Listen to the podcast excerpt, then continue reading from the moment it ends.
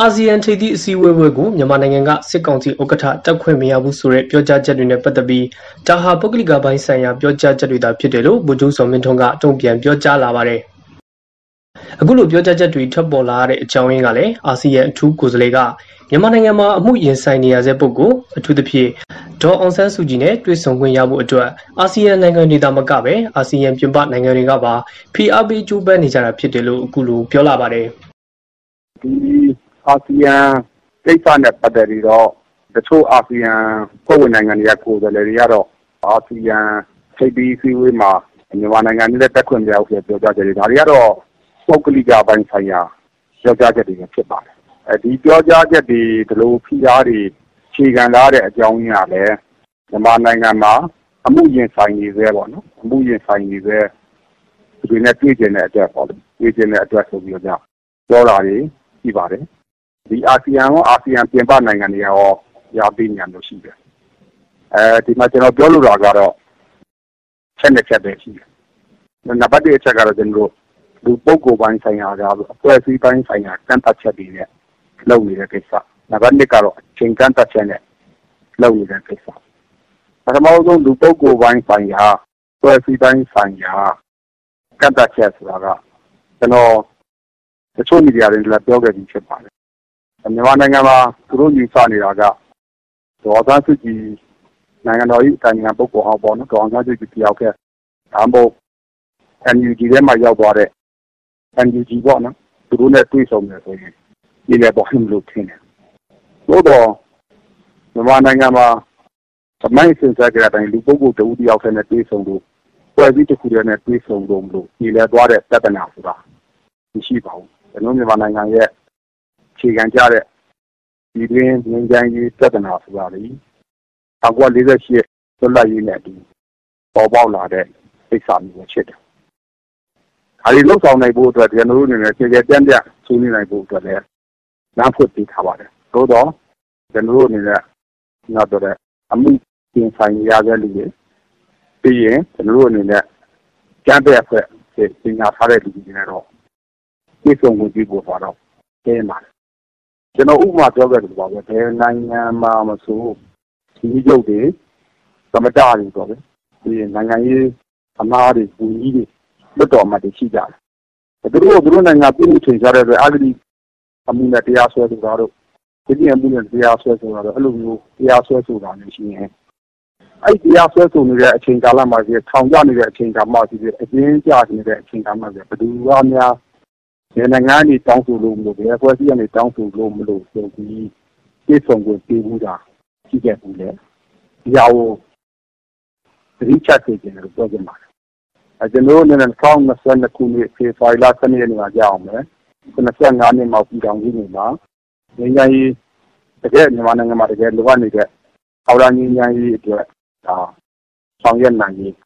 ပြည်ထောင်စုစိတ်ဓာတ်ပုံမူရှင်းတန်ထက်ရစီရေး ငင်းရေးလုပ်ငန်းတွေနဲ့ပုံပုံတိုးမြင့်ဆောင်ရွက်နေပြီးဆောင်ရွက်လျက်ရှိပါတယ်။တိုင်းသားအလုံးသက်ဆိုင်ရာဖွဲ့စည်းများအားလုံးပါဝင်ဆောင်ရွက်ရအောင်ဆောင်ရွက်လျက်ရှိပါတယ်။ဒါကြောင့်မလို့ကျွန်တော်ပြောချင်တာကဒီမြန်မာနိုင်ငံကိုအာဆီယံ envoy အနေနဲ့လာတဲ့အခါမှာမျိုးတို့အနေနဲ့သိဆုံးဝင်ပေါ့နော်ရရှိနိုင်တဲ့ဆရာစီအားလုံးနဲ့သိဆုံးပေးနိုင်ဖို့သိရှိပြီးဖြစ်တယ်။သိဆုံးတဲ့သိဆုံးဝင် ပြေးသွားမှာပဲဖြစ်ပါတယ်။နောက်တစ်ခုကတော့အချိန်ပေါ့နော်ကျွန်တော်ပြောတဲ့အချိန်ကန့်တာလေ။အဲကျွန်တော်တို့ဒီ2020နိုဝင်ဘာလမှာကျင်းပခဲ့တဲ့ရွေးကောက်ပွဲမတိုင်ခင်မှာတမ်တော်နေတဲ့ရွေးကောက်ပွဲအကျိုးကာလကြတဲ့အခါတွေ့ရှိချက်တွေတွေ့ရှိချက်တွေထုတ်ပြန်ခဲ့တယ်။ရွေးကောက်ပွဲမတိုင်ခင်ကာလမှာကျွန်တော်တို့နဲ့တွေ့ရှိချက်ထုတ်ပြန်ချက်နဲ့ဆောင်ထုတ်ပြန်ခဲ့တယ်။အဲဒီထုတ်ပြန်ချက်နဲ့ဆောင်ကနံပါတ်1ထုတ်ပြန်ချက်ကတော့ ရွေးကောက်ပွဲအတွက်ကြိုကာလနဲ့ကြိုတင်ဆန္ဒမဲပေးတဲ့အခါမှာဒီလိုဖြစ်ပေါ်နေတဲ့အခြေအနေနဲ့ပတ်သက်ပြီးပြောခဲ့တယ်။အဲ့ဒီမှာပါပါတယ်ဆိုကြအဲ့ဒါကိုအနည်းချုပ်ခြင်းနံပါတ်1ကတော့ခုလုပ်နေတဲ့ရွေးကောက်ပွဲတရားဥပဒေနဲ့ညီမျှတာမှုရှိဘူးလို့ကျွန်တော်ထောက်ပြခဲ့တယ်။နံပါတ်2ချက်ကတော့တရားမျှတမှုရှိဘူးလို့ထောက်ပြခဲ့တယ်။နံပါတ်3ချက်ကတော့ထွင်းပြအားနည်းချက်တွေရှိတယ်လို့ထောက်ပြခဲ့တယ်။နံပါတ်1ချက်ဥပဒေနဲ့ညီဘူးဆိုတာဘာလို့ပြောရမလဲ။ပြည်ုံအခြေခံဥပဒေမှာပါပြီးဖြစ်တယ်။ သက်ဆိုင်ရာရွေးကောက်ပွဲကော်မရှင်သည်လုံထုံးလုံကြီးတွေစီးစီးကန်းတွေထုတ်တဲ့အခါမှာဥပဒေကိုကြော်လွန်ခြင်းမရှိသေးရလို့ပါပြီးဖြစ်တယ်။သို့တော့အဲ့မှာထုတ်ခဲ့တဲ့ဟာတွေမှာကျွန်တော်တို့ဒီပြီးဖြစ်ပါလိမ့်မယ်။ဥပဒေကိုကြော်လွန်ပြီးတော့ထုတ်ခဲ့တဲ့ဟာတွေရှိတယ်။ဒီကောက်ပွဲမှာဘယ်သူတွေကကြိုတင်ဆန္ဒမဲပေးပိုင်ခြင်းရှိတယ်ဘယ်သူတွေကမရှိဘူးဆိုတာဖြီးပြီးဖြစ်တယ်။သို့တော့ဒါတွေကိုကြော်လွန်ပြီးမှထုတ်ခဲ့တာရှိတယ်။ဒါတော့မှတ်ပုံတွေမရှိရတဲ့ နိုင်ငံသားစစ်စစ်ကမ်းမရှိရတဲ့ပေးနိုင်တယ်ဆိုပြီးတော့ထုတ်ခဲ့တဲ့ဟာမျိုးတွေရှိတယ်။ခုနောက်ပိုင်းကျွန်တော်တို့ဒါရွေးကောက်ပွဲကော်မရှင်အတက်ခွဲစည်းတဲ့ရွေးကောက်ပွဲကော်မရှင်နဲ့စစ်ဆေးတဲ့အခါမှာရွေးကောက်ပွဲအထောက်အကူပြုဖွဲ့ပြီးဖွဲ့စည်းခဲ့ပြီးအဲ့အထောက်အကူပြုဖွဲ့ရဲမှာတိုင်းဒေသကြီးနဲ့ပြည်နယ်ဝန်ကြီးချုပ်တွေကပြေးတဲ့ NLD အနာဂတ်နဲ့ထောက်ခံအားပေးပြီးလို့အဲ့ဖွဲ့ထဲမှာတည့်ပြီးဖွဲ့စည်းခဲ့တာမျိုးရှိတယ်။ဒါတွေကဥပဒေနဲ့မမျှဥပဒေနဲ့မညီဘူးလို့ကျွန်တော်တို့ ထောက်ပြတဲ့ဟာတွေဖြစ်တယ်။ဒုတိယတရားမျှတမှုမရှိဘူးတရားမျှတမှုမရှိဘူးဆိုအတိတ်ကြီးကခုနေတော့မှဒီကျွန်တော်တို့နိုင်ငံမှာနိုင်ငံရေးပါတီပေါင်း90ရောရှိတယ်အဲ့နိုင်ငံရေးပါတီတွေထဲမှာအဲ့ဒီတော့ကကျွန်တော်တို့ဒီနိုင်ငံပိုင်ရုပ်မြင်သားကြားဖြစ်တဲ့မမာတီဗီကနေပြီးမဲဆွဲစီယုံမှာပေါ့နော်မဲဆွဲစီယုံကိုလက်ကူထုတ်လွှင့်တာရှိတယ်စင်စာဖြတ်တော့ခဲ့တဲ့ချုပ်ပါတီတွေမရိုက်တာရှိတယ်မရိုက်တော့မလွတ်နိုင်ဘူးဆိုတဲ့ဟာမျိုးဖြစ်ခဲ့တာရှိတယ်ပြီးရင်မဲဆွဲ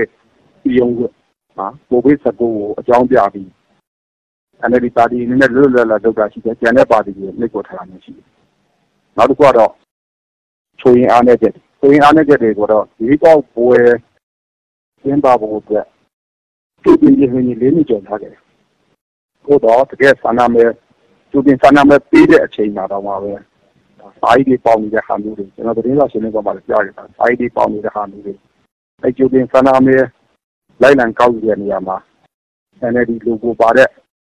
ဒါတွေနဲ့လိုက်လံကောက်ယူပါတယ်။ရောင်တန်းတဲ့ကောင်မှာတော့လက်မှတ်ဒီလိုပြီးထက်ခိုင်းတာဒါတွေတွေ့ရပါတယ်။ဒါတွေကိုကျွန်တော်တို့ဒီတင်ထုတ်ပြန်ကြတယ်။ဒါကြောင့်မလို့လုပ်ပြီးပါလို့ပြောကြတယ်။ဒါရေကောက်ပွဲမတိုင်ရင်ကျွန်တော်တို့ပြချောထားတဲ့ဒုတိယ EU တွေနဲ့ပတ်သက်ပြီးကျွန်တော်တို့အပိပေးချက်ဒေတာရခံရတဲ့ဆောင်ထုတ်ပြန်ခဲ့တယ်။ပါရင်က EU အဖွဲ့ရဲ့ငန်းကြီးထဲမှာ ပါတီတွေအားလုံးပေါ့နော်။ဆောင်စီမံပါတီတွေအားလုံးအာဆောင်ရွက်ပေးပါပါတီတွေအားလုံးမဲဆက်စီရင်ကိုဆောင်ရွက်ပေးပါဆိုပြီးလက်ကြောင်းတယ်။ဒါအနေနဲ့ကောက်ပွဲဒီတိုင်းကျွန်တော်ထုတ်ပြန်ခဲ့တဲ့နှစ်ချက်။ဒီကောက်ပွဲပြီးကလာမှာလည်းကျွန်တော်တို့ကျွန်တော်ပြီးတဲ့အတိုင်းဒီကောက်ပွဲပြီးကလာမှာတချို့သွတ်တော်မတရားသူတို့ရဲ့နေနေလိုက်မှာမြင့်တမမှုတွေရှိတယ်ဆိုတော့တမ်တော်ကိုတန်ကြားကြရရှိတယ်။ကျွန်တော်စစ်ဆေးကြည့်တယ်။စစ်ဆေးကြည့်တဲ့အခါမှာဒီကောက်ပွဲမှာမဲစင်း နှစ်ကြိမ်ထုတ်ခဲ့တယ်သုံးကြိမ်ထုတ်ခဲ့တယ်လေးကြိမ်ကြီးထုတ်ခဲ့တယ်လို့ပြောကြတယ်နောက်ဆုံးမဲဆန္ဒရှင်စင်းကိုတချို့လွတ်တော်အမတ်တွေဒီကောက်ပွဲဝင်တဲ့လွတ်တော်အမတ်လောင်းတွေတော့မရဘူးအဲအဲ့ဒီဟာတွေနဲ့ကျွန်တော်စစ်ဆေးခဲ့တယ်စစ်ဆေးကြတယ်နောက်ဆုံးမှတမ်တော်အနေနဲ့ကျွန်တော်တို့အနေနဲ့ဒီကောက်ပွဲမဲစင်းများကူးယူခြင်းတောင်းခဲ့တယ်ဥပဒေရစီမင်းလေးတဲ့ဒီကောက်ပွဲမဲစင်းများကူးယူခြင်းတစ်ပတ်ဘလောက်ပေးသွင်းကူးယူခွင့်ရမယ်လို့ပြည်ပြည်တင်ထော်ပြထားတာပဲ ဆိုတော့တိတိလေးနဲ့ဖော်ပြထားတဲ့ဟာကိုထိုးပေါက်ပွဲကြဥပဒေနဲ့မညီညွတ်ဘူးဆိုပြီးရှင်းပြကြတယ်။အဲ့မှာထပ်ပြောချင်တာကျွန်တော်တို့အရင်တော့2015ရွေးကောက်ပွဲမှာဆိုရင် NLD ကပဲကန့်ကွက်ခဲ့တာပဲလေ။ကျွန်တော်တို့မဲလက်မှတ်တီဒီနေရာမှာရိုက်တယ်၊နဲ့ဆောင်ရိုက်တယ်ဆိုတဲ့ဟာမျိုးတွေမဲလက်မှတ်တွေမှာဖျောင်းတုတ်ထားတယ်ဆိုပြီးကြပြောလို့မို့မဲလက်မှတ်တွေမှာနင်းမဖျောင်းဖျောင်းတုတ်ထားတယ်ပြောလို့မို့ကျွန်တော်လုပ်ခဲ့ရတဲ့ဟာတွေရှိတယ်။သို့တော့ နိုင်ငံရေးပါတီအားလုံးကိုကျွန်တော်ခေါ်ပြတယ်။ဘယ်နေရာမှာမဲလက်မှတ်တွေရိုက်တယ်။အဲနဲ့ဆောင်ရိုက်တယ်။ကိုယ်တိုင်လာပြီးလေ့လာလို့ရတယ်။ NLD လက်ထက်မှာဒါမျိုးတောင်းဆိုကြတယ်နဲ့လုပ်ပေးကြတာမရှိဘူး။အဲနဲ့ပြီးတော့ကျွန်တော်တို့အနေနဲ့ UEC အနေနဲ့ဖြည့်ရှင်းပေးတဲ့လွတ်တော်ကိုလွတ်တော်အထူးကြီးခေါ်ဖို့ကျွန်တော်ပြောတယ်။သူ့ဥပဒေကစံစစ်ကအစီအစဉ်လေးရဲ့လေးပုံတစ်ပုံလွတ်တော်မဲ့လေးပုံတစ်ပုံကလက်မှတ်ထိုးတောင်းလုပ်ပေးရမှာ။သို့တော့ဒါလည်းရင်းတယ်။နောက်ဆုံးကျွန်တော်တို့က30ရက် ဇလ2021ရက်နေ့ထိကျွန်တော်နောက်ဆုံးကြေညာချက်ထုတ်ခဲ့တယ်အဲ့ကြေညာချက်မှာရှင်းရှင်းလေးပဲရေးထားကျွန်တော်ဒါတွေဒါတွေလုပ်နေတာဒီအဲ့ဒီရရှိမှာကျွန်တော်တို့က30ရက်နေ့မတိုင်ခင်ရှိမှာပေါ့နော်မျိုးနယ်လိုက်မျိုးနယ်လိုက်မှာကျွန်တော်ဆွေးဆွေးခဲ့တယ်မျိုးနယ်မျိုးနယ်တစ်ခုချင်းဆွေးဆွေးခဲ့တယ်ဆွေးဆွေးခဲ့ပြီးကြအဲမတမာမှုရှိတယ်ဆိုရင်ဖြစ်နိုင်တဲ့ဆိုရင်ကျွန်တော်ထုတ်ပြန်ခဲ့တယ်အဲ့ဒါထုတ်ပြန်ခဲ့တာဘယ်နေရာနေစပြီးဆိုတော့23ရက်12လဒါ2020ကတိုင်းထုတ်ပြန်ခဲ့တာဖြစ်တယ်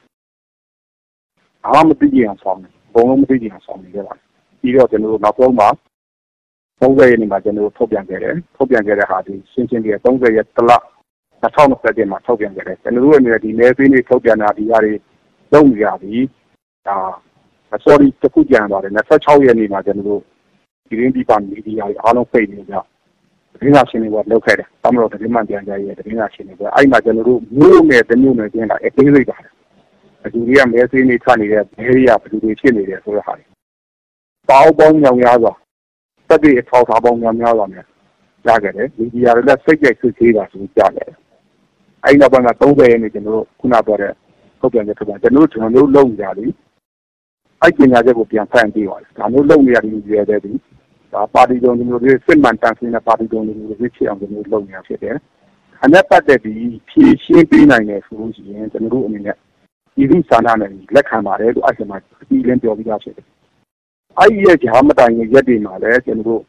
သူရအဖွဲ့ခေါင်းဆောင်တွေရဲ့ကိုယ်စားလှယ်တွေဒီဘက်ကကျွန်တော်တမ်တော်ဘက်ကကိုယ်စားလှယ်တွေအပြန်အလှန်တွားရောက်ဆွေးနွေးတာမျိုးရှိတယ်။ကျွန်တော်ဆိုလိုတာအဲ့ဒါကပြီးသက်ဆွေးနွေးနိုင်လမ်းစဉ်မဟုတ်ဘူးကျွန်တော်တို့အနေနဲ့ငင်းရမ်းစွာဖြည့်ရှင်းနိုင်တဲ့အတွက်ပြီးသက်ဆွေးနွေးနိုင်နိုင်ဖို့အတွက်ပြင်ဆင်နိုင်ဖို့အတွက် ဒီကောက်ပွဲမတိုင်ခင်ကြတိုင်းကျွန်တော်ပြောကြတာဖြစ်တယ်။အဲ့မှာဘာမှတုံ့ပြန်ခြင်းမရှိဘူးအပြီးပြန်ဆောင်ခုချိန်ကြမှာဒီကောက်ပွဲမတမာမှုတွေရှိတယ်ဆိုတာကိုကျွန်တော်တက်တဲ့ခံရလို့ပြနိုင်တယ်ဒီကောက်ပွဲမတမာမှုတွေရှိတယ်ဆိုတာကိုနိုင်ငံတကာရှေ့မှာကောနော်နိုင်ငံတကာတိုင်းဦးတွေရှေ့မှာခိုင်လုံလို့ပြနိုင်တယ်လက်ပြီးလက်မြည်ဖြစ်နေတယ်ဆိုတာကျွန်တော်ပြောခဲ့တယ်ဒါမျိုးအမှုခင်ရှားပြောကြစစ်စည်းကံမှာဒီကောက်ပွဲမှာလည်းကျွန်တော် ဒါဒီဒါဒီတကယ်ဖြစ်ခဲ့တယ်ဆိုတာပြောခဲ့တယ်ပြင်ဒီကောက်ပွဲမှာလည်းသက်ပြီးထောက်တာခိုင်လုံပြနိုင်တဲ့အချိန်ကြမှာဒါကြောင့်ပြည်ရဆွေးနွေးဤနိုင်ကြီးဆိုတဲ့ဟာကိုပြောတာပဲအရင်တော့ကအဲ့ဒီအချိန်ကြီးတုန်းကအားကြောင့်မပြောခဲ့တာကျွန်တော်ပြောတဲ့အချိန်ဆိုတာဒါကိုပြောပြတာဒါကြောင့်မို့ကျွန်တော်ပြောချင်တာကဒီပုဂ္ဂလိကပိုင်းဆိုင်ရာကွယ်စီပိုင်းဆိုင်ရာကန့်တတ်ချက်တွေခုနပြောလို့အချိန်ကန့်တတ်ချက်တွေနဲ့လုပ်နေရင်တော့ ကျွန်တော်တို့ကဒါတွေစဉ်းစားစရာဖြစ်တယ်ပြည်လည်နိုင်ကြမရှိဘူးဆိုတာလည်းကျွန်တော်ပြောလို့တယ်နောက်ကျတော့အာဆီယံနိုင်ငံအနေနဲ့ပတ်သက်ပြီးအာဆီယံနိုင်ငံကိုကျွန်တော်နိုင်ငံ1999ခုနှစ်မှာဝင်ရွေးရခဲ့ပါတယ်အဲ့ဝင်ရွေးရတဲ့အချိန်မှာလည်းအားလုံးကူညီပေးခဲ့တဲ့အာဆီယံအဖွဲ့ဝင်နိုင်ငံများကိုလည်းကျေးဇူးတင်ပါတယ်ဒီအာဆီယံဆိုတာကျွန်တော်တို့ကပြည်ပြီးထားတဲ့နေရာမှာ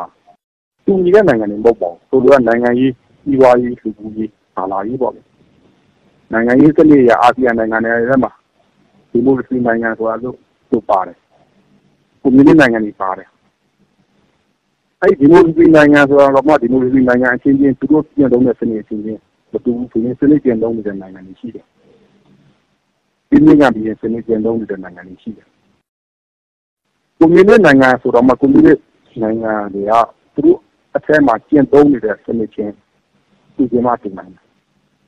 ဒါနိုင်ငံကြီးပြီးရင်အာသာရေးလူမှုရေးပေါ့ဗျအာဆီယံနိုင်ငံထဲမှာဘုရားဘာသာကိုးကွယ်တဲ့နိုင်ငံတွေရှိတယ်အစ္စလာမ်ဘာသာကိုးကွယ်တဲ့နိုင်ငံတွေရှိတယ်ခရီးရန်ဘာသာကိုးကွယ်တဲ့နိုင်ငံတွေရှိပါတယ်စီးပွားရေးစီးပွားရေးအနေနဲ့ခုနပြောလို့တမှုကိုအခြေခံတဲ့စီးပွားရေးစနစ်ဝန်ဆောင်မှုကိုအခြေခံတဲ့စီးပွားရေးစနစ်ကိုကြွားနိုင်နေဖြစ်တဲ့ကွန်ပျူတာတဲ့ဒီနိုင်ငံတွေရှိတယ်ကျွန်တော်တို့တို့အခြေခံ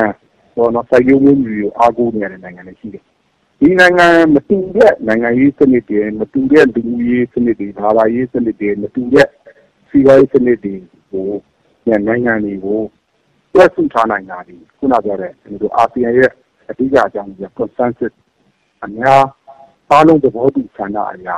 ဒီလိုတွဲဆုထားနိုင်တာဖြစ်တယ်။ဒါဝက်တချို့ကတော့အမားလို့ပြောကြတယ်။အာဆီယံနိုင်ငံတွေကျင့်သုံးနေတဲ့စနစ်ဒီမှားလားမှန်လားဆိုတော့အမိုင်းကပြောပြီးဖြစ်တယ်။ အာဆီယံနိုင်ငံတွေကို